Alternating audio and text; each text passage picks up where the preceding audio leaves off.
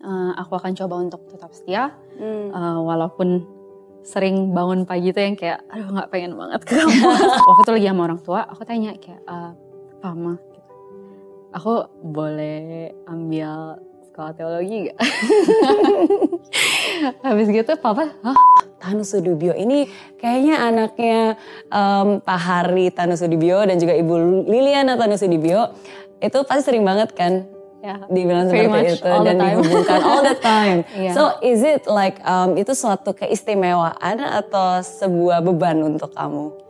Um, kalau boleh jujur ya, papa mama tuh lumayan romantis, jadi mereka lucu banget. Papa, mama- papa tuh menjanjikan mama waktu uh, mereka menikah gitu, kan nggak ada party. Papa bilang, ya tapi someday I'm going to make you a princess. Kegagalan bukan akhir dari segalanya, kesuksesan juga tidak akan selalu ada selamanya. Em, suka duka itu pasti silih berganti, tapi keberanian dan keyakinan untuk terus melangkah itu yang harus dimiliki. Saya Mary Riana dan di Zero to Hero hari ini saya akan ngobrol-ngobrol bersama Jessica Tanu Sudibyo. Yeay.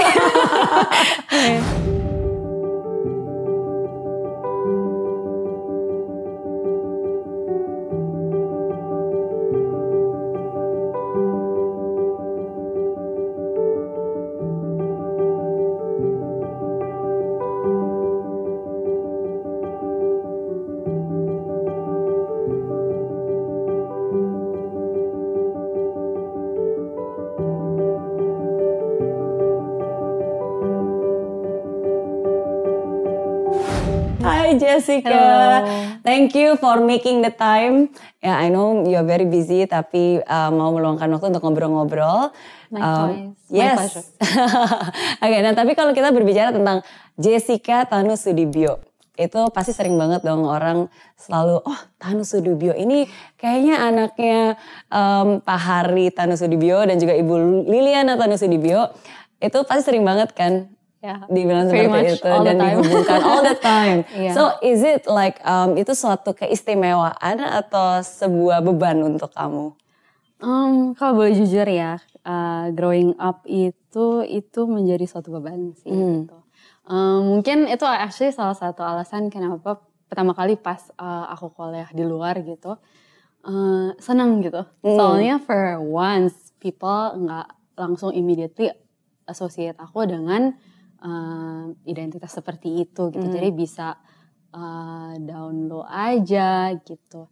Tapi Uh, if I'm honest, sejak pulang ke Indo gitu, aku baru pulang ke Indo dari living overseas tuh tahun 2018. Um, apa yang selama ini aku anggap sebagai beban gitu, aku lebih belajar untuk mensyukurinya Hmm. gitu. Karena salah satu hal yang aku lihat adalah ya mungkin yang orang tahu tentang orang tua aku itu, oh ya mereka uh, sukses dalam berbisnis, Hmm. um, dan dalam berkeluarga juga um, gitu. Tapi yang mereka nggak tahu itu bagaimana um, orang tua aku tuh bener-bener uh, really love and care for Hmm. us gitu behind the scenes even gitu. Hmm. Dan I think that's one of my biggest privileges Hmm. um, is to know them in ways that other people don't Hmm. gitu dan aku menyadari juga apa pun yang aku diberikan sebagai kepercayaan dan beban adalah tanggung jawab dan um, sesuatu yang harus aku syukuri lah. Oke, oke. It's a privilege, tapi setiap the bigger the uh, apa uh, semakin besar tanggung jawabnya, uh, semakin besar kepercayaannya semakin besar tanggung jawabnya Yes, yes, juga yes, kan. yes. Oke, but how does it feel? Gimana rasanya uh, dibesarkan di keluarga yang uh, berada dan segalanya pun juga sudah tersedia Hmm. gitu. Mungkin one thing yang aku actually quite grateful for ya orang tua aku tuh uh, mereka nggak pernah yang namanya spoil kita. Um, as much as ya semua disediakan gitu, kita nggak pernah yang namanya harus mikirin kekurangan uh, makanan Hmm. ataupun barang pun gitu. Cuman dari kecil I think orang tua tuh selalu ngajarin yang namanya uh, bersyukur karena Hmm. orang tua juga mulai dari nol Mhm. gitu. Jadi sering banget papa mama tuh cerita tentang dulu. Apalagi kalau misalkan kita sebagai anak-anak ya kadang kan kita suka nggak tahu diri gitu ya. Kayak oh pengen ke sini, oh pengen ini itu gitu. Beberapa kali mama papa bisa ngomong, ah papa mama dulu kayaknya pas subur kalian nggak ada tuh mikirin yang kayak gitu nggak bisa gitu. Um, bahkan salah satu hal yang papa mama pernah cerita juga adalah uh, ketika papa mama uh, married Mhm. gitu, mereka actually they didn't have a party. They didn't have a Really? party. no. Masa sih? Karena uh, yes they were young Mhm. and uh, nggak they didn't wanna spend, you know, Hmm. karena at that time mau save aja. Dan yang lucunya actually uh, Papa mama tuh lumayan romantis, jadi mereka lucu banget. Papa, mama- papa tuh menjanjikan mama waktu uh, mereka menikah gitu, kan nggak ada party. Papa Hmm. bilang, ya tapi someday I'm going to make you a princess. Oh. And jadi on their 25th wedding anniversary makanya waktu itu dirayain gitu. Oke. So that was in exchange of uh, pas mereka menikah itu nggak ada party, so 25th wedding anniversary di celebrate Wow. gitu. Oke. Ya, and maybe one of the things yang aku value banget gitu ya pas kita kecil, all of us, kita lima bersaudara, Mhm. um, kita semua tuh harus uh, merayakan ulang tahun at least sekali di panti asuhan. Oke. Itu diharuskan sama Setiap anak. Setiap anak. Um, dan to be honest for me, uh, kan karena kita berlima, jadi at least lima kali. Hmm. Lima kali. gitu.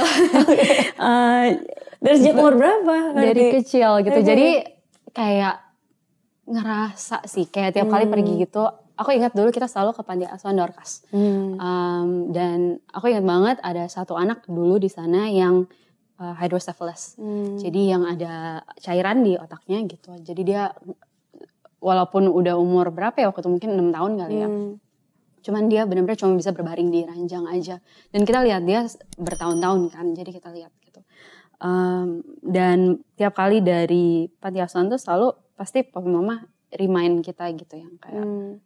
look at these kids gitu, they're not as privileged as you are and you should be grateful gitu. Jadi Hmm. itu salah satu hal yang I think aku sih personally kalau misalkan aku punya anak aku akan terapkan itu sih gitu kayak Yeah. to make sure my kids get to see gitu kalau misalkan apa yang kamu punya apa yang kamu miliki apa yang kamu diberikan itu um, adalah suatu privilege and Hmm. kita harus bisa berbagi uh, Hmm. dan ya itu sih Oke, dan itu ditanamkan dari sejak Dari kecil, kecil, ya. iya. Pernah gak sih em, tanya gitu ke mereka, emang harus ya saya udah ngerti, I know that gitu. Maksudnya Hmm. masa harus setiap tahun gitu kan? Mhm. oh nggak setiap tahun by the way uh, gantian Oh, lima anak gantian Oke oke Iya. oke oke. Tapi at least maksudnya itu salah satu cara Iya, ya. iya, iya. Oke oke. Um, mungkin gimana ya? I think pas kecil mungkin nggak gitu uh, ngerti apa lagi. Dulu ada juga salah satu uh, kebiasaan yang my parents, aku yang umurnya dekat tuh bertiga. Hmm, Aku sama kakak yang kedua sama adik yang keempat. gitu. Oke. Jadi kita umur cuma Clarissa. beda Clarissa, Clarissa sama Valen. Sama Valen. Kita beda cuma uh, setahun sama dua tahun gitu. Oke. Jadi uh, tiap kali kita bertiga ulang tahun, kita tuh harus uh, kalau dapat kado kita harus bagi ke each other. Oh iya. Mm-mm. Soalnya katanya udah kamu kan dapat banyak kado, kamu harus bagi gitu ke yang lain. Ya pas kecil nggak ngerti sih kayak, hah kenapa gitu kan aku yang tahun, kenapa dia yang dapat gitu kan. Cuman I think uh, karena itu diharuskan gitu. Ya sebagai anak-anak ya udahlah nurut-nurut aja walaupun nggak ngerti gitu kan. Cuman itu secara nggak langsung nanam satu value di Oke. uh, all of us juga sih gitu kalau Oke. misalkan ya ultimately gimana ya kayak walaupun pas kecil kayak ah sebenarnya aku pengen banget tuh barang itu gitu tapi kakak aku sekarang yang ambil barang Hmm. itu gitu cuman things are very temporal ya gitu kayak Maksudnya orang ngasih hadiah ulang tahun ke kamu terus dari hadiah yang dikasih ke kamu kamu harus bagi? iya Wow, itu lebih susah Iya. lagi loh rasanya Iya. because it's a It's present to mine. you, right? It's yours. And then why Iya. you have to give it Iya. away and it's it's once a year, it's a Yes, birthday yes, kan? yes. Tapi it's okay kayak itu kayak bikin kita sadar juga kalau misalnya these are temporal things you know. Jadi kayak as much as mungkin pada saat itu kita kayak sebel gitu. Apalagi uh, kadang kakak kan punya otoriter di atas Iya, kita gitu yang kayak iya. aku mau mainan yang kamu suka gitu malah diambil. Oke. Uh, tapi Wow, that's over amazing. time iya jadi kayak ya udah things are just very temporal. Iya, And- untuk mengajarkan bahwa kita juga nggak nggak nggak boleh punya attachment Iya, iya. terhadap barang dan dan hal-hal apa pun itu kan. Hmm. Wow, that's amazing.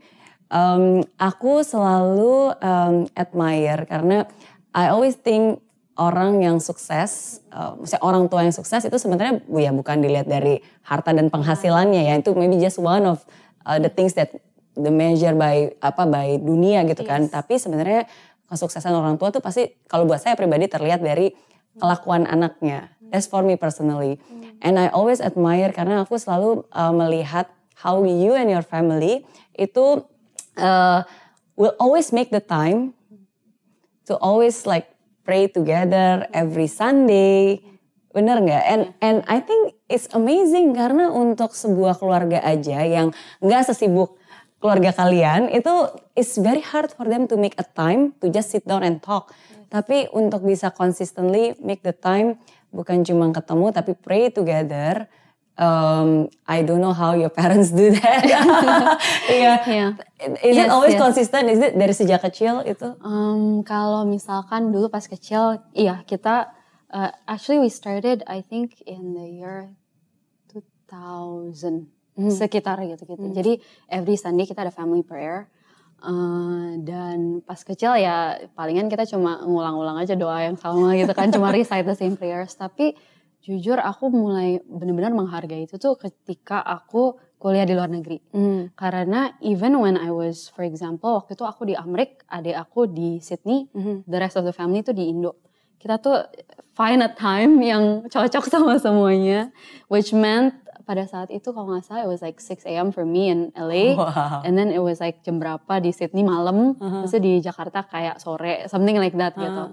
Yang pokoknya we had to find a time di mana cocok sama semua for us to pray gitu. Papa, Dan- mama dan berlima semua. Mm-mm, mm-mm. Wow.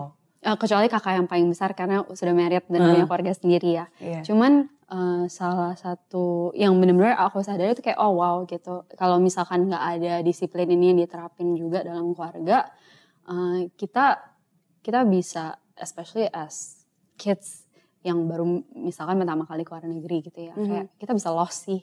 Hmm. Kita bisa nggak tahu diri juga gitu. Eh, Hmm. tapi tiap minggu di keep in check secara nggak langsung ya sama orang tua selalu di remind um, kita tuh di dunia ini uh, what's our purpose sih gitu kan. Iya. Um, dan selalu dicariin juga gitu. Jadi that's good.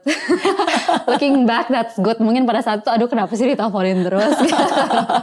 Tapi ya it's good. It's a good thing. Um, dan sekarang lucunya di masa pandemi ini mm, kan kita jadi nggak bisa ke gereja hari minggu. We've been rather than having family prayer doang kita ada semacam kayak ibadah kecil gitu sendiri sih di dalam di rumah gitu di mana ya palingan I'll lead us in worship and then kayak ada um, bergantian ada yang sharing ini itu Iya, iya. I saw that Oh. di Instagram. Dan itu amazed loh. Aku aku bahkan cerita ke my husband gila. Maksudnya um, it- bu- ini bukan hanya kayak ibadah aja tapi every one of you is preparing kan. Ada yang prepare uh, lagu, ada yang prepare renungan, bahkan your dad juga memprepare kayak apa uh, papa papa storal something like that. ya Iya, kan? oh my gosh, I'm so weird. I, ya, kita bikin pastoral message. Saya Iya. biasa kan kalau di gereja ada kayak pastoral message gitu kan. Jadi ini hmm, kan papa sebagai imam keluarga gitu kan, sebagai head of the family. Jadi pastoral message. But that's amazing. Itu something yang at, at least for for me kalau aku ngelihat itu itu kesuksesan yang sesungguhnya sih. Maksudnya I wish one day I can have that kind of like bonding and closeness and openness with with my kids gitu and and my grandkids gitu kan one day gitu. Tapi uh, saya yakin itu bukan satu hal yang di dibentuk sekali aja karena kalau anak-anak sih mungkin gampang ya disuruhnya ya. Tapi kan ketika semua orang udah beranjak dewasa udah remaja and then kayak uh, papa mama kan juga sibuk banget buat mereka meluangkan waktu setiap minggu itu is a commitment. Yes, yes, for sure. Dan mungkin ya kita semua individually gitu, semua dari aku, my sisters, my brother gitu. Kita semua very different individuals sih sebenarnya gitu. Ada yang lebih uh, mungkin kameranya nggak percaya, tapi aku actually yang lebih pendiam di keluarga. Habis gitu ada yang lebih outgoing, things like that Yeah. gitu. Cuman yang uh, aku beneran I do believe in the power of prayer sih and especially uh, a par like parents prayer gitu. Hmm. Soalnya um, walaupun kita semua ada masa-masanya lah, ada ada masa teenage angst atau apa gitu, pasti Hmm. adalah semuanya gitu kan. Cuman dan ada masa di mana kita mau maunya tuh menjauh dari keluarga gitu. Hmm. Cuman Oh ya? uh, ada dong. Ini like Ada dong, teenager, teenager, oh ya. teenager. So ini always ya, maksudnya di, di semua di semua keluarga, Iya. mau keluarga biasa, mau keluarga kaya raya, mau ya, keluarga, ya, ya. it's always feel like that gitu. Ya, ya, Oke. gitu. Kayak I think particularly sebagai teenagers pada saat itu gitu, kita semua kan ada keinginan untuk mencari jati diri gitu Iya, kan ya. Jadi mungkin pada saat itu ada masa di mana kita kayak coba distance ourselves dari Hmm. keluarga gitu. Tapi um, one of the things yang I'm very grateful for is I have a praying family gitu. I have Hmm. praying parents. Jadi no matter how far gitu, selalu ya walaupun pasti pasti di setiap keluarga ada perselisihan paham kan. Cuman uh, they always pray for us gitu Hmm. and somehow in God's own way gitu kayak we all just come back. And I think particularly sekarang di masa pandemi ini gitu Hmm. and with the um, we call it house church that we've been doing gitu. It's just been such a huge um, blessing gitu sih for us to see kalau misalkan kita semua benar-benar God's been so kind to each and every one of us and we've all I guess been bonded in a way that we otherwise would not have um, before. So It's a blessing. Yeah, yeah, yeah, yeah. It's, a blessing, it's a betul. blessing. And it's a privilege sih sebenarnya menurut saya kalau dari ceritanya Jessica, a privilege to be in your family Mm. bukan karena selalu apa ya uh, bisa memenuhi segala macam kebutuhan, Mm. tapi like the kind of support, love, Mm. and uh, how mereka mengeducate dan Mm. mendidik kamu dari sejak kecil itu is amazing. Tapi mungkin kalau um, kita ngomong tentang zero to hero ya, mungkin mungkin banyak yang bertanya, hah zero to hero, emangnya uh, seorang Jessica Tanu Sudibyo ada zeronya gitu? Kayaknya nggak mungkin sezero zeronya dia mungkin berapa banyak zero di belakang gitu. Iya, tapi I always believe, maksudnya setiap uh, orang tuh pasti punya punya struggle-nya sendiri kan, punya zero moment, punya titik terendahnya sendiri. Eh, kalau buat Jessica, what is your zero moment? Pernah nggak sih merasa kayak gagal, rendah, dan seterusnya? Ya. Hmm. Um, aku sih dari kecil ya kayak I've always been a people pleaser. Jadi it's really bad. It's really bad. Don't be a people pleaser. um, I I have that tendency gitu kayak pengennya tuh uh, ya mungkin ada bagusnya pengen nyenengin orang tua gitu. Cuman uh, di satu sisi it made me always feel kayak I'm never enough gitu. Jadi kayak selalu ngerasa kayak oh kurang selalu pengennya achieve, uh, selalu pengennya kayak at the top of the class gitu kan. Tapi long story short, fast forward pertama kali aku um, ke Aussie. uh, I think I I always talk about my time in Aussie itu karena itu benar-benar salah satu pivotal moment in my life gitu. Karena pertama kali aku pindah ke Aussie, pada saat itu aku uh, kuliah di UNSW, ambil finance uh, atas permintaan ayah. Karena aku kan anaknya indecisive gitu kayak aku ambil apa ya? Gitu. Oh you're good at math go take finance. Oke so I took finance. Tapi in that one year gitu kayak di my finance classes itu I really felt like it was meaningless gitu. Uh, pada saat itu aku juga pertama kali mulai pelayanan di gereja gitu. Karena sebelumnya kalau di Indo itu um, kalau misalkan ke gereja sama keluarga itu agak beda ya jadi karena kita datang sebagai keluarga datang pulang datang pulang Iya. udah gitu aja gitu cuman pas aku pertama kali pindah ke Aussie itu aku mulai terjun ke dunia pelayanan uh, particularly at that time aku pelayanan youth gitu. Oke. jadi banyak anak-anak uh, SMP SMA gitu Uh, dan pada saat yang bersamaan itu di kelas finance aku ini kan di kelas finance tuh diajarinnya apa sih? Maximize profit cut cost. Always. That's just the goal. Uh, tapi aku kayak rasa kayak aduh ini kok kayaknya kita belajarnya like how to make yourself more wealthy. In in essence tuh kesannya itu yang diajarkan gitu kan. Dan aku ngerasa kayak terus apa gitu kayak then what kalau misalkan kita have so many zeros di belakang nam- kayak nama kita gitu kayak then what gitu. Jadi I really felt empty Hmm. Uh, dan pada saat itu aku ya I would say it's an existential crisis gitu. Aku mulai kayak mikirin apa sih arti hidup yang sesungguhnya gitu kan. Umur berapa waktu itu? 16, 17. 16, 17, oke. Wow. Ya, uh, ya pokoknya aku kayak ngerasa kok kosong banget ya kalau Iya. misalkan hampa gitu. Kalau dalam bahasa Indonesia yang baik dan benar itu Hampa. hampa, gitu. Bener-bener hampa banget gitu. Kayak ngerasa kalau misalkan tujuan hidup itu cuma untuk uh, mendapatkan kesuksesan material itu nggak nggak sama Hmm. sekali uh, fulfilling gitu. Hmm. Jadi aku mulai malas-malasan tuh jujur kayak for the first time in my life pada saat itu aku mulai malas-malasan banget ke kampus itu bener-bener Hmm. nggak niat sama sekali Uh, tiap kali di kelas aku kayak zong gitu kayak kayak nggak gitu dengerin lecture saya kayak aduh ini nggak nggak berarti sama sekali Iya. gitu dan for the first time in my life I failed my classes gitu kayak Really? ya dalam kayak and it's uni level gitu kan. Dan for the first aku kayak langsung pas I got my grades aku bener kayak terpukul banget. Aku kayak oh my gosh how am I going to bring this before my parents? Karena all these years my parents itu selalu ke mana-mana kalau tell their friends oh ini uh, Jessica selalu juara kelas jadi selalu tuh ngomongnya kayak gitu gitu. Jadi tiba-tiba kayak that identity is gone. Like I'm I'm a failure gitu kan Um, You're no longer that Jessica. No, I'm ya no kan? longer that Jessica gitu. Tapi pada saat itu, walaupun di satu sisi kayak uh, di mata dunia mungkin ya, everything was crumbling. Jadi satu, I was failing my classes. Dua, I broke up. Uh, I was dating and then I broke up. Um, and tiga, kayak I really lost like just uh, gimana ya? Itu actually masa di mana aku juga mencoba mm, distance myself dari keluarga Hmm. karena aku nggak suka diasosiasikan dengan um, ya material wealth itu sendiri. gitu. Hmm. Um, tapi di satu sisi di masa itu di mana aku ngerasa benar-benar kok semuanya ini hampa, kok kayak aku lost banget gitu. Hmm.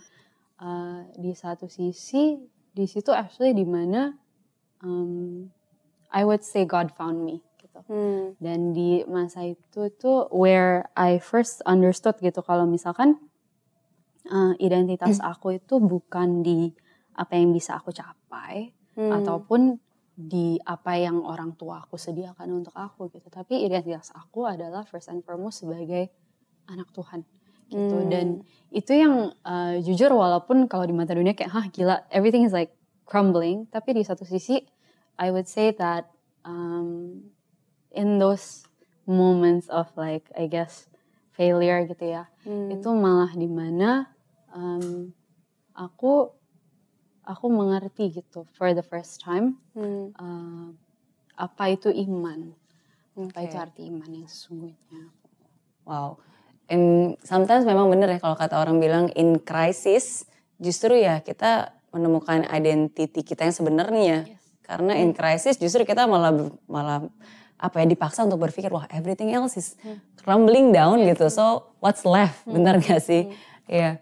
Um, kayaknya mungkin kalau buat buat uh, buat kita ya, maksudnya for for me personally, kalau saya kan dengerin cerita dari Jessica, aku juga jadi ingat kayak pertama kali aku terpaksa harus kuliah di luar negeri sendiri, uh, jauh dari orang tua, justru mendekatkan aku ke Tuhan. Hmm. Maksudnya kalau aku ngelihat kayak dulu, aku selalu ngerasa Tuhan itu kayak Allah Bapa yang Maha Kuasa yang Iya. jauh di Iya. atas di surga gitu kan, kayak jauh banget gitu. Iya iya iya. Tapi it's like um, ya itu maksudnya jauh dari orang tua membuat aku merasa bahwa ya itu jadi kayak teman curhat, jadi jadi teman ngobrol bahwa dia tuh ya, ya teman ngobrol biasa aja gitu yang yang yang bisa jadi listening ear gitu. Yes yes. Iya, tapi tapi for you to experience that in such a young age berarti waktu itu belum nyampe 20 juga belum dong. Bener nggak? Kayak teenager. 17 ya. Iya gak sih? Wow, that's that's good. That how is your parents reaction ketika dikasih tahu? Wow, Feel. kayak wow kayak aku sih lumayan kaget. They were actually quite gracious about it. Mhm. Um, try again gitu kan. Dan actually aku nggak ngomong sama dia mereka immediately gitu ya. Aku ngomongnya a bit later gitu. uh, Iya. In the next semester. Ketika aku mengulang kelas itu aku baru ngomong gitu. Tapi mereka kaget lah. Kayak mereka kaget tapi uh, reaksinya nggak seperti yang aku expect. Aku kira mereka bakal kayak marah gitu kan, Hmm. kayak what gitu kamu nyanyiin your time there. Tapi reaksi mereka nggak seperti itu, and mereka understanding sih, which for me also was part of mungkin that point of realization gitu. Kalau misalkan identitas aku bukan Hmm. dalam achievement aku juga gitu. Hmm, Oke, tapi apa yang membuat kamu em, tetap mau continue? Iya, Karena iya. kan aku bayangin, maksudnya buat anak-anak remaja, sometimes kayak, oke once we know ourselves, terus kita merasa bahwa oke this is what I want, Iya. gitu. And, and- dan yang misalnya kayak contohnya finance, this is not me, gitu kan? Eh, ya saya punya hak dong untuk memilih apa yang saya mau. Kenapa saya harus mengikuti sesuatu yang pada saat itu saya sadar bahwa itu bukan pilihan saya, gitu. Maksudnya you have a choice bahwa kamu bisa aja, ya udah saya nggak mau deh ganti Iya. yang lain, gitu kan? Tapi you still Hmm. Continue, right? Iya, iya. Mhm. Sebenarnya salah satu hal yang bikin aku kayak nggak niat sekolah at the time itu karena tiba-tiba kayak desire aku tuh mengalih gitu. Mhm. Yang tadinya eh, pengen nyenengin orang tua dengan memberikan mereka nilai yang baik gitu. Mhm. Eh, pada saat itu tiba-tiba aku pengen sekolah teologi. Oh iya. Eh, iya. Tapi yang yang itu belum selesai Um, kan? Belum. Oke, yang Jadi aku tuh kayak benar-benar aduh kenapa? Eh, pengen banget drop out gitu. Pengen banget pengen banget. Hmm. itu I was literally at the brink of dropping out um, sampai udah beberapa kali itu ngomong sama pendeta aku at that time Duh, kayak aku pengen drop out aja gitu. Kan aku Hmm. pengen sekolah Alkitab aja. Cuman eh, salah satu yang aku diingatkan gitu berkali-kali itu just be faithful. Be faithful in the little things. Uh, dan aku tuh berkali-kali kayak aduh kenapa sih harus ini kayak ini benar-benar out of my kayak bukan da- keinginan aku gitu Mhm. kan tapi uh, salah satu hal yang aku selalu diingatkan adalah imanku mengajarkan kalau um, dalam kehidupan kita itu kita harus memikul salib Hmm. dan apakah artinya memikul salib itu uh, artinya kadang you have to do things you don't wanna do Hmm. tapi uh, pada saat itu specifically um, aku belajar untuk setia sih gitu aku belajar oke emang ini bukan keinginan aku cuman uh, aku akan coba untuk tetap setia Hmm. uh, walaupun sering bangun pagi tuh yang kayak aduh nggak pengen banget ke kampus tapi ya udah belajar setia aja gitu Oke. Uh, dan akhirnya lulus uh, thank God. lulus gitu dan malah lanjut master lagi di uh, bisnis Oke. karena emang orang tua lumayan menuntut kita master Iya. jadi kita semua harus master Um, tapi by God's grace after that So lulus in finance and a master in business law. Oke. It's Yeah. good combination. Yes, yes. Uh, people say that apparently. So that's good. Yeah, and then afterwards baru sekolah teologi. So that was like three years after Hmm. menunggu tiga tahun. Ya. Oke, tapi again itu dibutuhkan kedewasaan ya untuk seorang remaja di mana ketika dia tahu oke walaupun ini bukan pilihan saya, Iya, iya. tapi em, kita punya tanggung jawab Yes. dan kesetiaan gitu untuk bisa setia pada prosesnya dan percaya pada prosesnya gitu. Ya. Karena kalau misalnya kita nggak menyelesaikan tanggung jawab kita, it will always be a habit kan. Next Yes, time kita mulai sesuatu terus tiba-tiba perasaannya berubah, ada interested di hal yang lain Iya. dan pindah-pindah. Mungkin itu penyakit anak muda sih, tapi bener gak sih? Kayak I feel like aku sendiri gitu Iya, iya. ya. Kita sering banget ngomong tentang oh just follow your passion. Iya.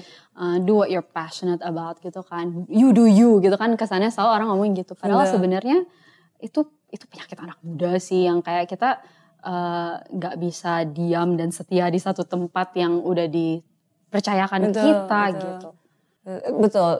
I seneng untuk bisa dengar itu dari seorang anak muda, milenial juga. Because I keep telling, Iya, bener kan aku selalu keep telling them gitu. Maksudnya yes of course it's good to if we know our passion is good. Uh, bahkan bersyukur banget kalau Iya. kita udah tahu apa passion kita. Tapi maksudnya buat anak-anak muda tuh kita jangan sampai mengatasnamakan passion Iya, bener. di atas segalanya sehingga itu membuat kita manja Bener. gitu. Maksudnya kayak kenapa begitu lulus belum kerja? Kenapa belum kerja? Ya belum ketemu sesuai passion gue Iya. gitu kan. Terus kerja di sebuah perusahaan semuanya udah oke. Kenapa ogah-ogahan? Ya nggak sesuai dengan passion gue gitu kan. Jadi kayaknya apa-apa mengatasnamakan passion gitu atas kemanjaan kita dan um, dan ya dan itu. Tapi menurut saya makanya saya selalu bilang uh, it's about being responsible. Yes. kalau misalnya kamu udah lulus terus kamu um, harus nyari kerja dan memang kamu belum kerja sesuai dengan passion kamu, ya it's okay, you have, still have to do it. Gitu kan bagian dari tanggung jawab kamu daripada kamu nganggur masih tetap makan duit orang tua terus bilangnya follow your passion, this is not my passion gitu. Iya, setuju dong berarti. Setuju banget. Yeah, I'm happy. iya, soalnya for example kayak tren anak muda juga zaman sekarang itu kan dari satu pekerjaan pindah ke yang lain tuh cepat banget kan. Iya, Karena iya. oh udah bosen, oh udah bosen kayak mau cari selalu kayak gitu kayak selalu Betul. ada yang dicari aja gitu. Iya. Ya ada bagusnya cari pengalaman, cuman kadang juga ada bagusnya untuk stay with the process like what you said gitu. Betul, betul. Setia, pada Setia. prosesnya. Terus berarti lanjut eh, kuliah teologi Iya. di US. Di US. Oke, is it something that you really sesuai seperti yang memang kamu harapkan dan kamu bayangkan? Ya, em, seneng banget sih kayak pertama kali masuk ke kampus tuh kayak langsung aduh tapi cannot diizinin sama orang Diizinin, tua. diizinin. Oke, Itu- susah nggak? Is it need convincing? Kami kan cobain ya, udah uh, finance, business law, terus kayak everything udah di prepared kan, Hmm. Iya. and then like uh, ya udah lanjut lagi, udah gitu lanjutnya teologi lagi. Iya. Jadi lucunya kayak aku kan eh, aku tuh sebagai anak lumayan penakut gitu, yang kayak sungkanan. Jadi kayak kalau mau minta izin sama orang tua tuh kadang kayak aduh perlu nggak ya gitu. Kalau nggak perlu ya udah nggak usah deh gitu. Tapi kayak karena ini bener-bener udah di bottle up gitu ya kayak no I really have to go gitu. Jadi pada satu hari aku ingat banget itu kayak tahun 2014 deh, iya aku tuh uh, udah udah cari-cari kan universitasnya segala macam programnya jadi aku udah tahu apa yang aku mau tuh aku udah tahu Iya. Uh, cause I had three years of time to research Um, Wow. jadi pas aku ngomong sama waktu itu lagi sama orang tua aku tanya kayak uh, Pama gitu. aku boleh ambil sekolah teologi gak? Habis gitu papa, hah? Bingung kayak, hah sekolah teologi? Udah baca aja Alkitab. aku kayak, beda, beda, beda, udah baca gitu. Um, "Hah, udah pulang aja kerja gitu kan. Aku tuh tipe anak yang kalau udah digituin, ah ya udah deh gitu. Tapi kayak masih ganjel gitu kan, masa nggak boleh sih gitu. Dan terus si papi tanya kayak, oh emangnya kamu mau ambil sekolah kita di mana sih? Hmm. Eh, ada sekolah namanya Biola di LA gitu. Mhm. Pas aku ngomong kayak gitu, papi kaget. Dia kayak, hah? Kita baru dua minggu lalu eh, beli apartemen di LA. Hmm. Uh, for investment, for investment iya, gitu. uh-uh. Karena pada saat itu emang uh, market di Amerika lagi down gitu. Hmm. Jadi harganya lagi murah banget. Jadi papa beli buat investment gitu Hmm. kan. Habis itu papa kaget pas dengar aku bilang ke LA. Dia bilang baru dua minggu lalu tanda tangan. Hmm. Dia kayak oh gak ada yang tinggal di sana sih. Kita beli buat investment gitu. Mhm. Ya udah boleh deh. Tapi setahun aja ya. aku yang kayak oke sip gitu. Tapi kayak ya mana mungkin selesai sekolah kitab dalam setahun gitu. Iya. Cuman Harusnya like, berapa kalau um, gitu? biasanya orang tiga tahun, Tiga tahun, tiga tahun or more gitu kan. Mhm. Cuman kayak waktu itu aku langsung okein aja karena Hmm. menurut aku itu udah kayak God's yes blessing, gitu God's way. kayak yes gitu jangan nawar-nawar lagi jangan Iya, iya. udah ambil aja gitu kan. Eh, murah Good deal, good deal. Good deal. Habis gitu tapi eh, long story short gitu tiba-tiba forward six months later lagi di dinner table ada om ada rame-rame lah Hmm. gitu. Aku pada saat itu udah mulai kuliah di Amerika gitu Hmm. for half a year. And then eh, om nanya gitu, oh kamu bentar lagi selesai gitu, bentar lagi pulang kerja. Papa bilang, oh enggak ntar sampai selesai. Gitu. Hmm. Tiba-tiba aja out of the blue gitu. eh, diizinin sampai selesai. Akhirnya aku dua setengah tahun Wow. selesai. eh, dan pulang tahun 2018. Oke. Wow. Apa yang dirasakan kuliah di sana? Apa perbedaan yang signifikan? Gimana ya, kayak buat aku itu kayak satu privilege tersendiri sih. Karena menurut aku uh, untuk pendalaman teologi itu ya it's not for everyone lah. Kayak maksudnya nggak semua orang harus Hmm. uh, kuliah teo- kayak pergi ambil teologi gitu tuh nggak harus gitu ya. Cuman buat aku sendiri itu satu privilege yang sangat aku syukuri karena di dalam dua setengah tahun itu I think gimana ya itu kayak masa uh, Sabbath extended Sabbath I would consider it that gitu dan justru yang lucunya kayak di dua setengah tahun itu uh, di mana aku mulai belajar tentang uh, I would say uh, work as ministry. Hmm. Karena sebelumnya aku tuh kenapa aku mau masuk ke teologi itu karena pikirnya aku pengen masuk ke dunia pelayanan, hmm. yaitu dunia uh, either dalam gereja ataupun uh, di mission field gitu. Hmm. Nah, cuman uh, waktu aku ambil teologi itu satu hal yang aku pelajari adalah seluruh dunia ini milik Tuhan gitu hmm. kayak dan sering kali kita itu suka divide gitu apa yang sekuler dan apa hmm. yang uh, sacred gitu hmm. tapi sebenarnya nggak seperti itu kalau kita percaya seluruh dunia ini adalah milik Tuhan uh, pekerjaan yang kita lakukan sehari-hari pun adalah pelayanan hmm. gitu um, dan itu yang buat aku dalam dua setengah tahun itu made a change in my own mindset gitu. Sedangkan okay. sebelumnya aku nganggep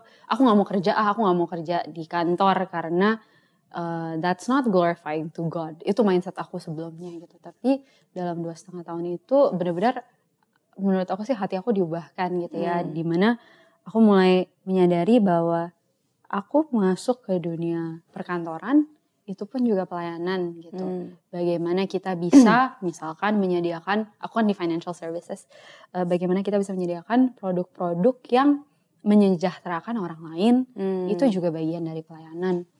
Uh, bagaimana kita bisa care for our employees, itu juga bagian dari pelayanan. Yeah. Uh, jadi sebenarnya I think uh, dengan aku ambil teologi itu, my mindset really shifted a lot gitu dan um, aku malah convinced pas pulang bukannya pelayanan di gereja karena semua orang selalu beranggap beranggapannya seperti itu kayak yeah. oh kalau misalkan kamu ambil teologi kamu otomatis jadi pendeta jadi pendeta bener kan tapi kayak uh, buat aku malah it's the other way around gitu kayak bagaimana kita bisa menjadi berkat di mana pun um, Tuhan tempatkan gitu. Hmm in marketplace pun in juga marketplace. bisa kan. Justru itu yang lebih related. Maksudnya -hmm. sometimes kadang-kadang kan yeah. ya Tuhan yeah. kan selalu menggunakan uh, our weaknesses yes. untuk show his strength kan. Yes. Jadi sometimes kadang-kadang justru tempat yang paling butuh pelayanan ya justru yes. sebenarnya di tempat-tempat yang nggak punya akses atau bahkan jauh dari yes. um, kayak tempat-tempat ibadah. Bener, bener, bener gak sih? Bener, bener Oke. Okay. Oke. Okay. Tapi back to Indonesia, that means back to reality. back to reality. back to reality dengan uh, pekerjaan, dengan tanggung jawab, dengan uh, dengan banyak hal lah. Maksudnya itu kan um, pasti satu hal yang nggak mudah juga yeah. buat Jessica. Yeah. Uh, aku baca di Instagram kamu, kamu pernah share katanya banyak anak muda selalu pengennya bisa mendidiki posisi tertinggi di perusahaan ya kan? Tapi um, ternyata ya nggak segampang itu dan nggak semudah itu. Suka dan duka mungkin lebih banyak dukanya katanya. Is it really like that? Oh, wow. Yeah. Yes. So wow you actually read that.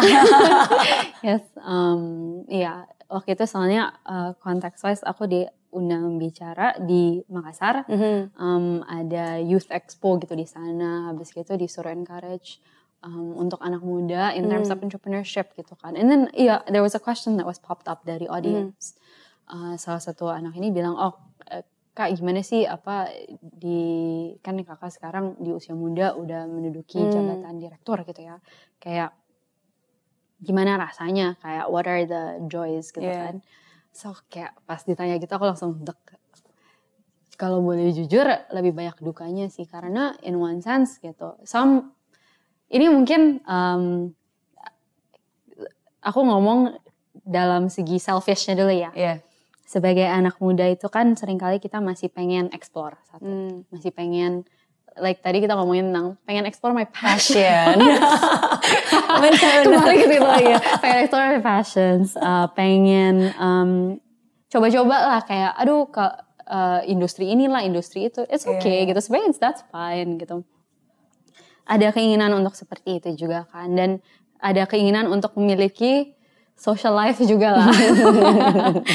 Gitu. Cuman um, kalau boleh jujur dengan diberi kepercayaan seperti ini mm.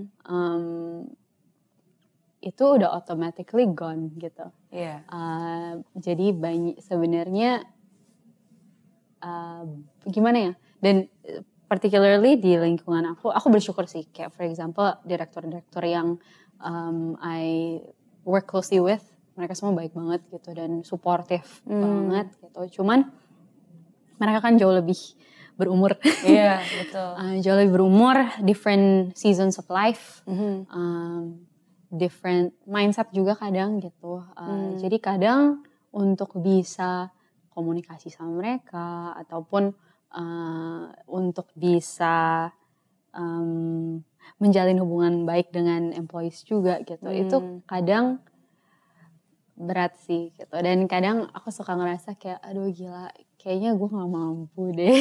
Kayak nggak mampu gitu loh kayak I don't think personally aku tipe orang yang again uh, karena people pleasing itu nature I have a people pleasing nature. Mm -hmm.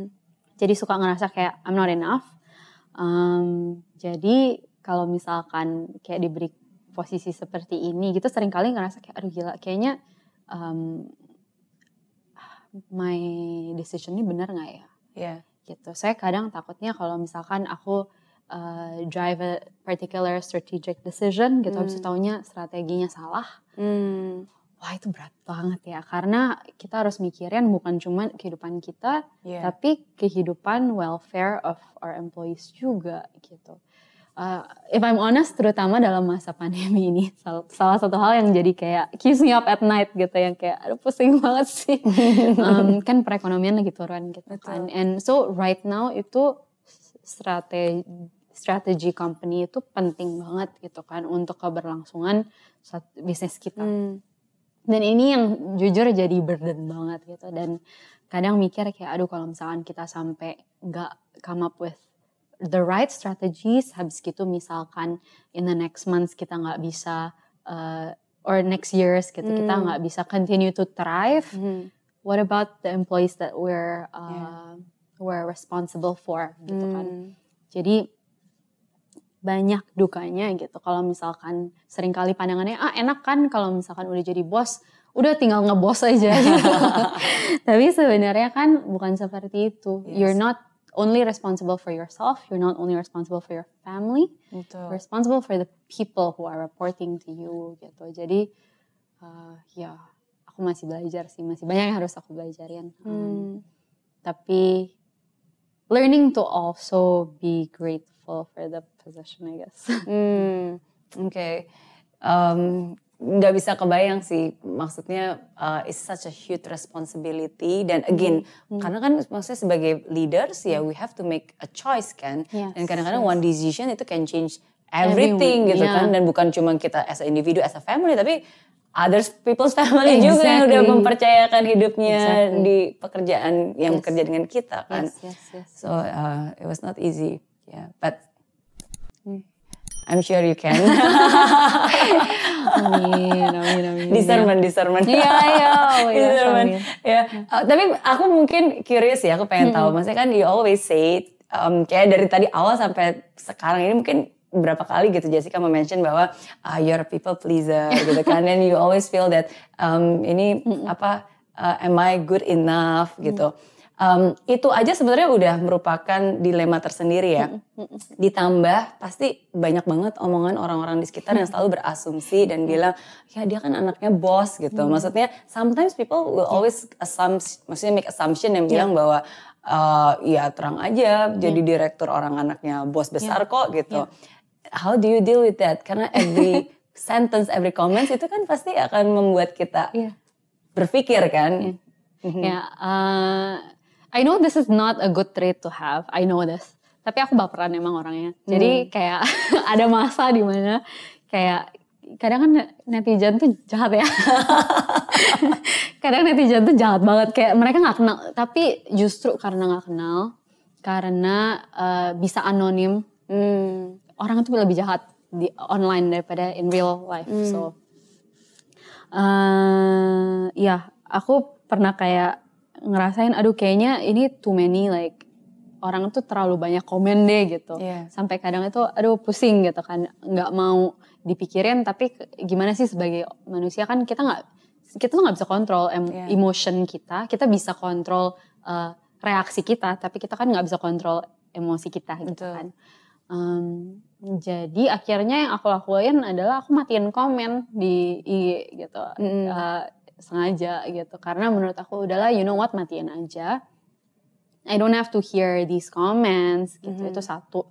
Tapi uh, kedua itu kalau misalkan ada of course ya pasti masih adalah yang uh, ngomong ini atau itu gitu berasumsi ini atau itu um, over the years juga belajar sih untuk gimana ya kayak uh, oke okay, tampung ada benernya nggak saring kalau ada benernya apa yang bisa aku perbaiki uh, hmm. kalau misalkan uh, ini cuma asalnya plusnya plus orang nggak kenal ya udah uh, let go gitu let go tapi ada unsur saringan itu sih yang menurut aku penting karena kadang kan uh, immediate reaction kita adalah udah masuk kuping kiri keluar kuping kanan gitu. Uh, tapi kan sebenarnya kita juga harus belajar untuk mendengarkan orang lain gitu.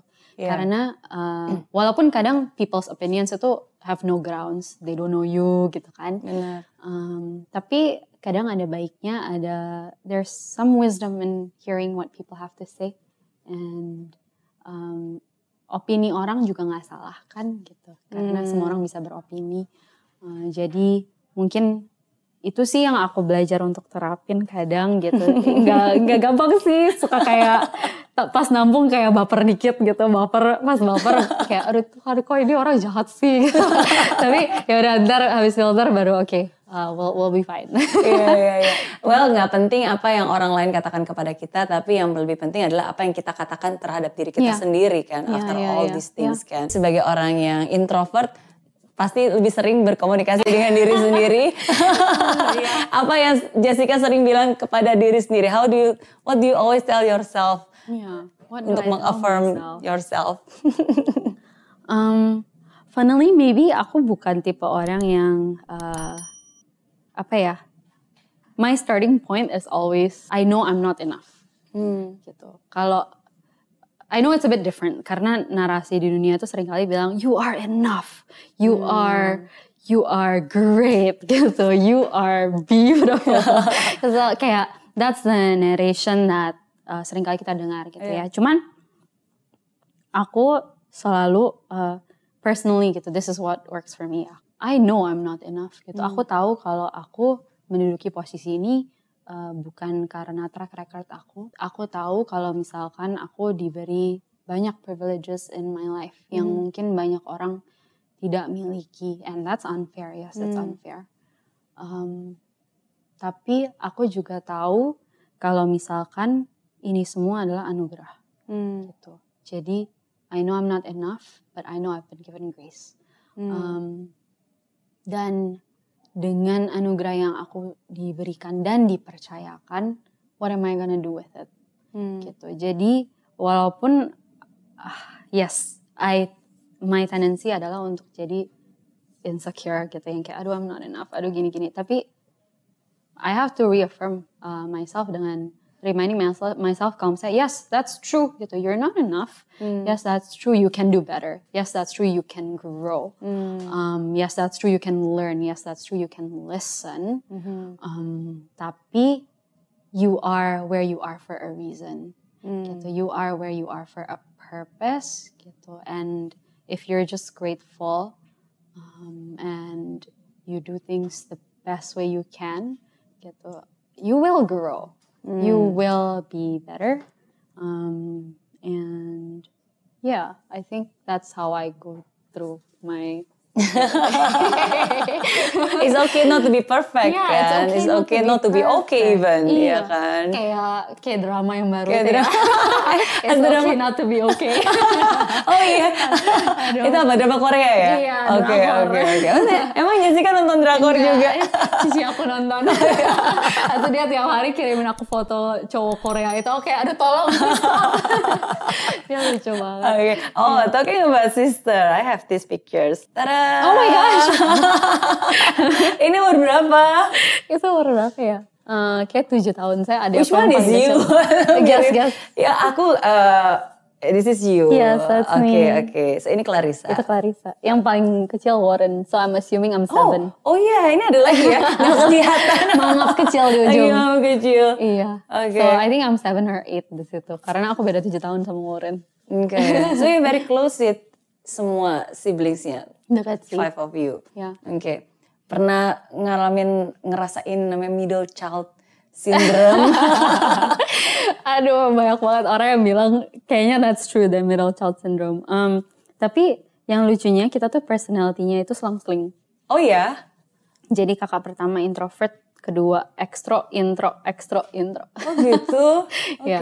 Jadi quite interesting. Uh, semua different balance. sih, different uh, personalities juga beda. Mhm. Cuman, iya, again, because we're also different, kayak we do balance each other out. Gitu. Iya. Berarti kalau Jessica kamu lebih mirip ke papa atau lebih mirip ke mama? Hmm, uh, lebih mirip kalau personality kayak lebih mirip mama deh. Mhm. Ya, mama saya juga lebih pendiam, lebih intro. Ya, Mhm. Oke, berarti bagian mana yang lebih mirip papa? bagian mana yang lebih mirip papa? Aku belajar banyak dari papa itu tentang self sacrifice sih. Not that I'm saying I'm a self sacrificial person. I am learning to be. Uh, tapi soalnya kayak one of the things yang aku lihat gitu kayak jujur aku ngeliat banget sih um, kalau papa itu dia bekerja bukan untuk dirinya sendiri gitu Hmm. dan itu yang aku bener-bener gimana ya kayak dari kecil ngeliat itu tuh kayak wow gitu aku I wanna be like that gitu kayak Hmm. I I don't wanna work for my own fame, my own wealth, my own you know acknowledgement gitu. Hmm. So Oke. You work for the people. Hmm. Ya kan, we, we work for God gitu Yes, kan yes, untuk memberikan yang yes, terbaik ya yes, karena yes. at the end of the day pertanggungjawaban kita kan Yes. dengan yang di atas bukan Yes. dengan orang-orang yang di sekitar kita yes, kan. yes. Iya, iya. Oke. Em, em, apa yang membuat kamu mau terjun ke politik? Again itu eh, ngeliat papa. Pas aku pertama kali dengar papa ngomong sama kita gitu. Kita lagi dinner waktu itu, itu papa kayak cerita cerita gitu kan. Kalau papa pengen terjun ke politik kayaknya gitu. Kita semua kaget kan, kayak Iya. "Hah, ngapain gitu kayak. Aduh, kayaknya itu like waste of time, don't do it gitu. Iya. Dan bukan cuma waste of time, tapi kayak ba- malah banyak yang jadi ribet, gitu loh. Hmm. Uh, karena politik itu ganas ya gitu. Politik di Indo itu ganas. Bukan di Indo doang, di mana-mana. Hmm. Hmm. Dan jujur awalnya kita semua yang kayak, ah jangan ah gitu nggak usah gitu. Cuman over the years, uh, Papa kan selalu cerita gitu. Papa is very communicative with us gitu. Jadi pas selalu cerita kayak, kayaknya Papa beneran uh, harus terjun ke politik deh gitu. Kayak Indo ini potensinya luar biasa gitu. Hmm. Cuman um, there are things that needs to be done differently gitu. kan Hmm. pas lihat tuh kayak wah his heart is really for the people gitu dan for the first time aku kayak ngerasa maybe politics can be done differently but aku masih skeptis Yeah. skeptis banget Yeah. skeptis setengah mati Uh, fast forward pas actually aku di uh, Amrik lagi ambil teologi itu aku bener-bener sempat wrestle juga karena itu masa-masa uh, mendekati pemilu gitu Hmm. kan. Eh, dan aku tuh kayak aduh kok kayaknya nggak perlu ya sampai terjun ke politik itu kayak nggak perlu gitu cuman aku ingat banget waktu itu aku ambil satu kelas eh, judulnya Doctrine of the Kingdom Um, and then di situ I wrestled a lot with the theme of politics actually Mhm. dan salah satu hal yang striking for me politics itu kan sebenarnya sesungguhnya it's called public service Hmm. kalau di luar kan oh, politics is public service. Mhm. Um, dan when those two terms gitu came, uh, aku kayak ngeh for the first time kalau that is what politics should be about. It should be public service. Um, it should be serving the people, uh, bukan sebagai means untuk kita mendapatkan power Hmm. ataupun mendapatkan ya whatever we want gitu kan. Jadi politics should not seek to serve ourselves Mhm. gitu. Dan maka dari itu uh, pas pulang gitu kan ngobrol juga kan sama papa mama gitu. Kalau boleh jujur sampai sekarang aku masih reluctant sih gitu Iya. kayak masih ma- debating internally. Um, I don't know where God leads. Cuman aku udah jauh lebih terbuka sih Hmm. gitu. Kalau misalkan ke depannya uh, kalau memang itu jalan Tuhan uh, ya dijalanin aja gitu. Cuman kalau bisa aku sih I'm more to be honest kayak if it were up to me gitu I'm a more private person? Hmm. um, jadi ya akan ada prosesnya sendiri sih itu there will come a time. But yes.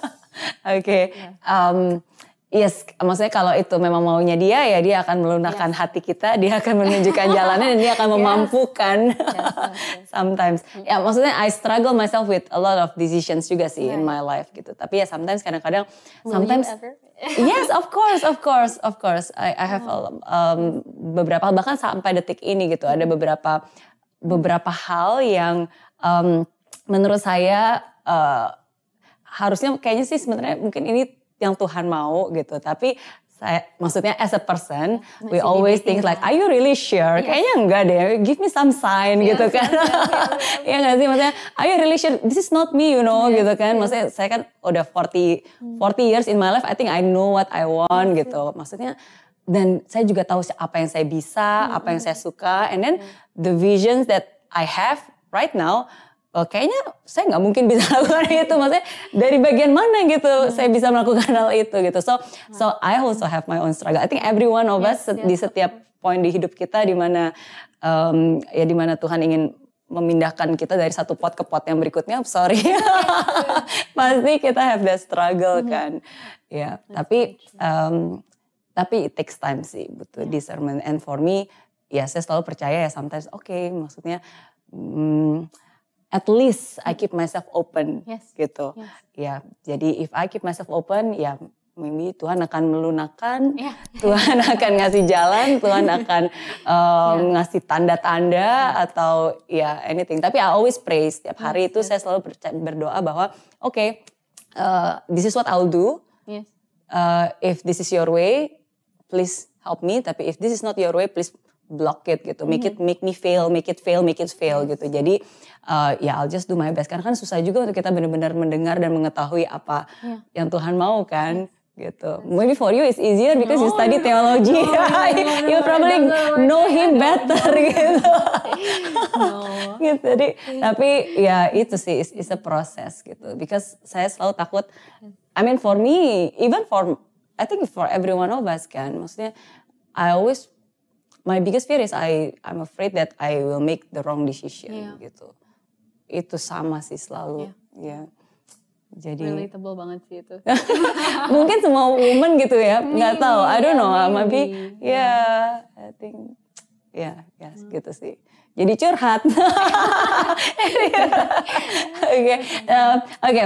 Um, a, a few more questions. I love talking with you karena memang aku senang banget sih selalu bisa ngobrol-ngobrol dengan uh, perempuan apalagi milenial gitu kan. Apalagi bukan bukan cuma muda ya tapi dewasa pemikirannya gitu. And uh, I admire what you said karena waktu pertama kali kita ketemu kan di Zoom.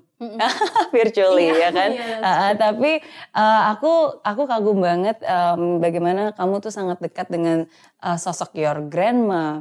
And your grandma has been one of your role models gitu kan? Um, kamu benar-benar adore her so much gitu.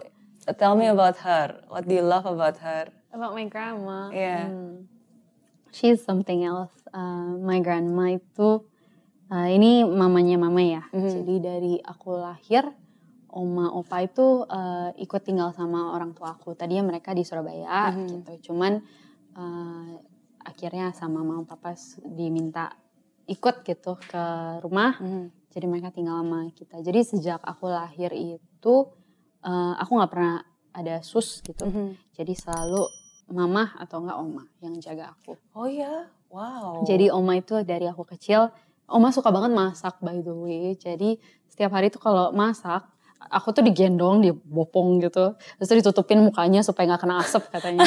Habis itu dia mau masak-masak. Ya super woman sih. Ya kayak gitu. Oma is like that. She's like that. Hmm, aku tuh I'm very thankful for her karena dari dulu dari kecil memang dekat banget sih sama oma gitu. Aku pas kecil penakut banget. Jadi beberapa kali walaupun tidur itu sekamar bertiga sama my sisters Mhm. Uh, yang umurnya deket ini. Uh, tapi kalau misalkan malam-malam tengah malam gitu kayak kebangun atau nggak bisa tidur, aku tuh larinya ke oma. Hmm. Kamar oma tuh seberang kamar aku. Jadi aku ingat banget, aku bakal bangun tuh tengah malam. Ini gimana nih? Takut uh, takut lihat kanan kiri, takut ngelihat sesuatu. Nggak tahu kenapa ya. Kayak aduh ada-ada aja imajinasinya gitu. Langsung Oke, I have to go to grandma. Langsung bangun, kayak nggak mau lihat kanan kiri, buka pintu, lari. Karena kamar oma cuma di depan, lurus doang kan. Lari, dok dok dok dok dok, gedok gedok gitu. Habis itu my grandma so sweet. She always always opens the door. Dia selalu buka pintu kamar. Kenapa nih gitu kan? Habis itu grandma cannot sleep gitu kan. Habis gitu, eh, oma bakal anterin aku ke kamar. Eh, habis gitu dia bakal cerita sampai aku tidur cerita aja. Suka cerita sih orangnya. Mungkin aku suka cerita gara-gara itu. Belajar dari oma. Jadi dia kayak ceritain macam-macam. Eh, selalu cerita tentang masa lalu dia lah Hmm. segala macam. Eh, sampai aku tidur. Aku bangun pagi-pagi itu selalu ngeliat oma tidur di kaki ranjang. Hmm. jadi hmm, oh my gosh. Ya itu yang salah satu hal yang menurut aku is very gimana ya di mana kebanyakan orang tua itu minta dihormati gitu kan Hmm. kayak em, ambilin ini ambilin itu atau apa gitulah banyak kan orang tuanya seperti itu Yeah. Oma aku is not like that at all. Malahan Oma itu sebaliknya gitu. Oma selalu em, melayani orang lain gitu. Bener-bener Hmm. sampai hari ini Oma itu umur 78. Hmm. Tiap pagi bangun, pagi banget, lebih pagi dari aku. Shame on me. Eh, lebih pagi dari aku bangun, eh, masak, masak, Masih masak sampai sekarang? Jadi dia masak dulu baru mandi karena bau asap ya. Jadi masak dulu eh, biar kita semua ada sarapan pagi Mhm. gitu masak, mandi. Nanti agak siang masak lagi buat makan siang, terus masak lagi Hmm. buat malam. Kok nggak panasin lah at least gitu.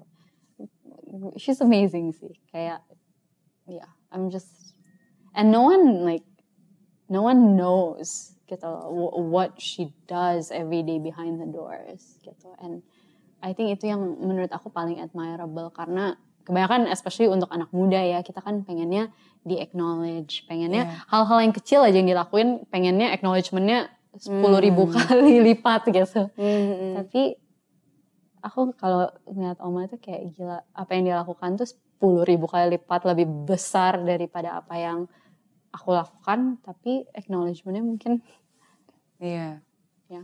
Iya, that- that- itu something yang um, apa ya?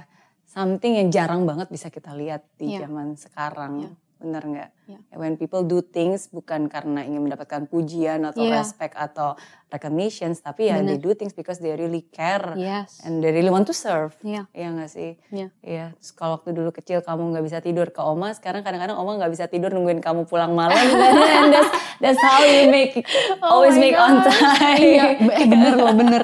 Aduh, my friends suka bercanda karena um, aku, karena aku dekat banget sama oma Mhm, kan. mhm. Jadi kalau misalkan kayak dinner gitu sama my friends, palingan jam 10 tuh udah diteleponin sama oma gitu. Hmm. Kayak jam 10 tuh udah diteleponin kayak di mana nih gitu, nggak pulang gitu. Oke guys, I gotta go. Semuanya kayak udah tahu itu oma lu teleponnya. But it's good, it's, It's good, good. it's good, it's good, it's itu good. selalu mengingatkan kita kan back to home, back to, Iya, iya, bener, back bener, to bener. love. Iya, iya. Oke, tell me about your prayer. Apa yang selalu kamu Hmm. doakan? Apa yang selalu ada di setiap doa kamu? Wah, Um, I think I alluded a bit to that gitu di mana again going back to my insecure self gitu. I think a lot of my parents have been kayak Tuhan aku nggak bisa gitu. And I can't do this. God why? Kayak why why why do you put me here? Gitu things like that. Kayak I can't do this. This is not my forte. Um, things like that gitu. Tapi uh, always always again gitu. I can start with my complaints. I can start with my you know kayak Tuhan aku nggak bisa gitu cuman I always have to end with okay but you can uh, and if you place me here you place me for a reason purpose and I just have to trust Surrendering yes and trust him. yes Oh, it's not easy. it's not easy It's not easy. What is your favorite verse? Ada nggak ayat yang selalu menguatkan? Um, I do have a favorite verse. I have a couple, tapi uh, um, maybe ini sangat tidak common sih. Uh, Ibrani 12 ayat 14. Uh, pursue peace with all men and pursue holiness, without which no one shall see the Lord. Um, a lot of people kayak, itu ayat favorit lu aneh banget ya. Yang biasanya kan ayat favorit, uh, I can do all things through Christ. Wow, jinx. yes, yes, yes. Um, pursue peace with all men and uh, holiness, without which no one can see the Lord. Um, why? Actually, also karena konteks juga sih, karena memang that's true. Uh, we are supposed to pursue peace with all people. We're supposed to care and serve um, our neighbors as ourselves. Jadi it goes sideways and we're supposed to pursue holiness, which is upwards. Jadi uh, ada yang vertikal, ada yang horizontal gitu kan ya. Tapi uh, one thing yang I love most about this passage juga, uh, it ends with without which like no one can see the Lord. Um, karena sesungguhnya kita sebagai manusia itu nggak perfect, di mana kita nggak bisa uh, pursue peace with all men, and we can't pursue holiness as God had defined holiness to be, and that's why we need a savior. Gitu. And for me, itu the reason why that passage is so apa ya um, living and active for me is karena it reminds me again gitu kalau misalnya I need a savior, I I need my God um, to come show Himself to me rather than me climbing my way up to Him. And yeah. Oke, oke, wow, ya, it's, it's definitely not common. Ini jawaban pertama yang pernah aku dapat. yes, I can understand. Yeah, yeah. Oke, Uh, how about uh, nasehat? Pasti orang tua banyak dong sering ngasih nasihat papa, ngasih nasihat mama, ngasih nasihat. Nasihat yang paling diinget dari papa dan dari mama. Oke, uh, dari mama. Ini agak menyimpang dikit sih. Cuman mama selalu bilang uh, ke aku, ke aku particularly. jangan ketawa ya. Um, jangan pacaran karena kasihan. Oh. Jangan pacaran karena kasihan. Iya. Oke. Uh, kasihan karena- sama orangnya gitu Iya. maksudnya. Oke. Aduh, kocak banget. Iya, karena aku tendensi untuk kasihan. Oh, itu mungkin gak enakan Um, gitu. Iya, tendensi Oke. untuk gak enakan. Jadi itu uh, beneran nasihat yang aku pegang. Closely, I have to remind myself. Um, kalau dari papa, kalau dari papa banyak banget sih nasihat. Um, papa selalu uh, tiap minggu sih bilang kita harus mengucap syukur. Itu very simple sih. Cuman um, tiap minggu dia ngomong itu. Tiap minggu di papa story message-nya dia selalu bilang, iya intinya kita harus mengucap syukur dalam segala hal. Um, tapi I love it gitu karena aku juga bisa ngelihat sendiri gitu di masa-masa yang sebenarnya agak susah untuk papa sendiri untuk mengucap syukur.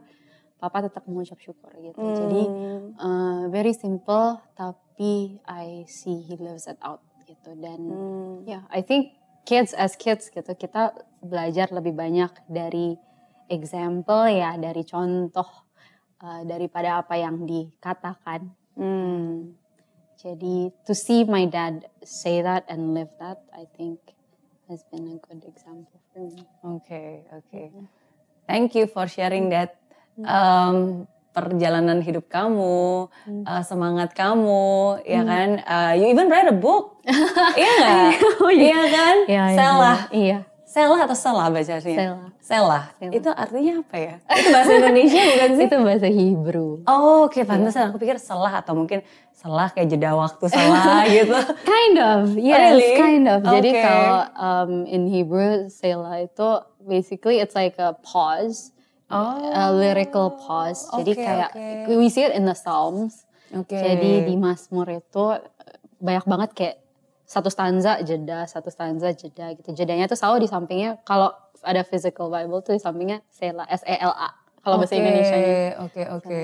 gitu. Oh, oke. Iya. Congratulations. Oh, Tapi emang kamu thank suka writing sih. Maksudnya, um, I, I read your blogs Oh my juga. gosh.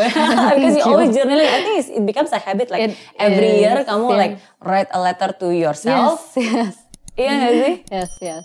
Uh, Oke, oke. Keeps me in check. keeps you in check. Yeah. Okay, but at the same times, um, uh, isn't it like um, apa? Kamu su- suka baca-bacain lagi nggak sih? Bacain kayak lagi sih. dulu-dulu yang Bacain lagi. seterusnya. Dan tiap kali bacain lagi kayak, oh dang, kayak, oh that's how I felt back then. gitu kayak, hmm, oke. gitu. Oke, but it's a part, it's, it's a part of growing Yes, kan. it's part of dan- growing. Kadang bahkan baca yang sebelumnya juga. tuh kayak diingatkan lagi gitu. Kayak, oh yeah, I should, I should remember that. Hmm, oke, oke. Uh, one last thing, aku sebenarnya pengen banget ngobrol-ngobrol, but I know you're very busy, Pak. Tapi mungkin at the last one, um, how, uh, what is your message untuk anak-anak muda yang juga milenial, yang juga mungkin sekarang struggling with finding their own voice, passion, um, mungkin merasa bahwa um, they are struggling, um, not doing what they really want to do in life. Ya pokoknya milenial yang apa galau atau your message anything. Ya, Mhm. aduh, mungkin untuk milenial yang galau. Oke, uh, maybe going back to that theme of passion ya that we talked about.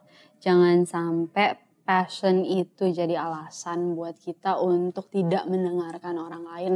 Karena menurut aku salah satu penyakit anak muda selain mengutamakan passion itu kita angkuh sekali Hmm. uh, angkuh sekali dalam arti kita mikir kita paling tahu, kita paling ngerti, apalagi tentang diri kita sendiri.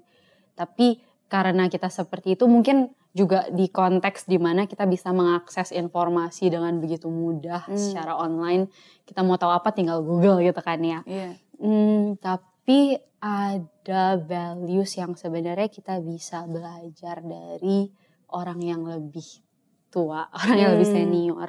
Yang kadang kalau boleh jujur kita sebagai anak muda, for example, uh, yang mulai startup gitu ya, kita suka ngerasa kayak, oh I know how to do my business better than those old folks. Mereka udah gak zaman. Iya iya iya. Uh, inilah cara berbisnis zaman sekarang model kini kekinian gitu kan tapi sebenarnya there's so many things yang kita bisa belajar dari pendahulu kita gitu kan. Jadi dari our elders um, jadi for me personally not much just be humble and be willing to grow and be willing to listen. Hmm. um, be willing to listen even to people who are older than us. Um, yang mungkin di pandangan kita itu kayak oh mereka udah terlalu jadul, tapi there's a lot of parts in their lives, there's a lot of experiences, the richness of their experiences that we can gali, and kita bisa also um, gimana ya kayak kita bisa uh, take as well and learn from, and I think that's so much more valuable gitu. Ya, karena sering kali kan anak muda ya maunya maunya. Banyak maunya ya. Banyak. Iya, and then they, they don't know how to balance antara Hmm. mengikuti kata orang tua atau Yes. mengikuti kata hati gitu Yes, kan. yes, Then yes. how how to balance in Yes. between. Bener itu nggak? ya itu yang perlu uh, kedewasaan perlu uh, willingness untuk mendengar bukan cuma masuk kuping aja ya tapi benar-benar didengerin Hmm. dan dicerna gitu ya I think it requires those it goes both ways it goes both ways yang uh, tua of course juga harus memberi kesempatan untuk yang muda Hmm. yang muda harus mendengarkan yang lebih tua. I think that's really important. Hmm. Oke. Okay. Both ways. Both ways. Both ways. Oke. Okay. Thank you again. Thank you so much for sharing. Uh, thank you so much sudah selalu berbagi. Um, thank you so much juga udah menjadi inspirasi bagi anak-anak muda lainnya. Uh, saya yakin semua yang dibagikan pasti bakalan bisa sangat bermanfaat. Um, karena saya selalu percaya bahwa setiap orang itu pasti punya cerita. Setiap cerita itu pasti ada pelajaran berharga. Dan semoga cerita dari Jessica Tanu Sudibyo hari ini bisa menjadi pelajaran berharga bagi kita semua. Oke, okay? fight till the end and never give up. Thank you.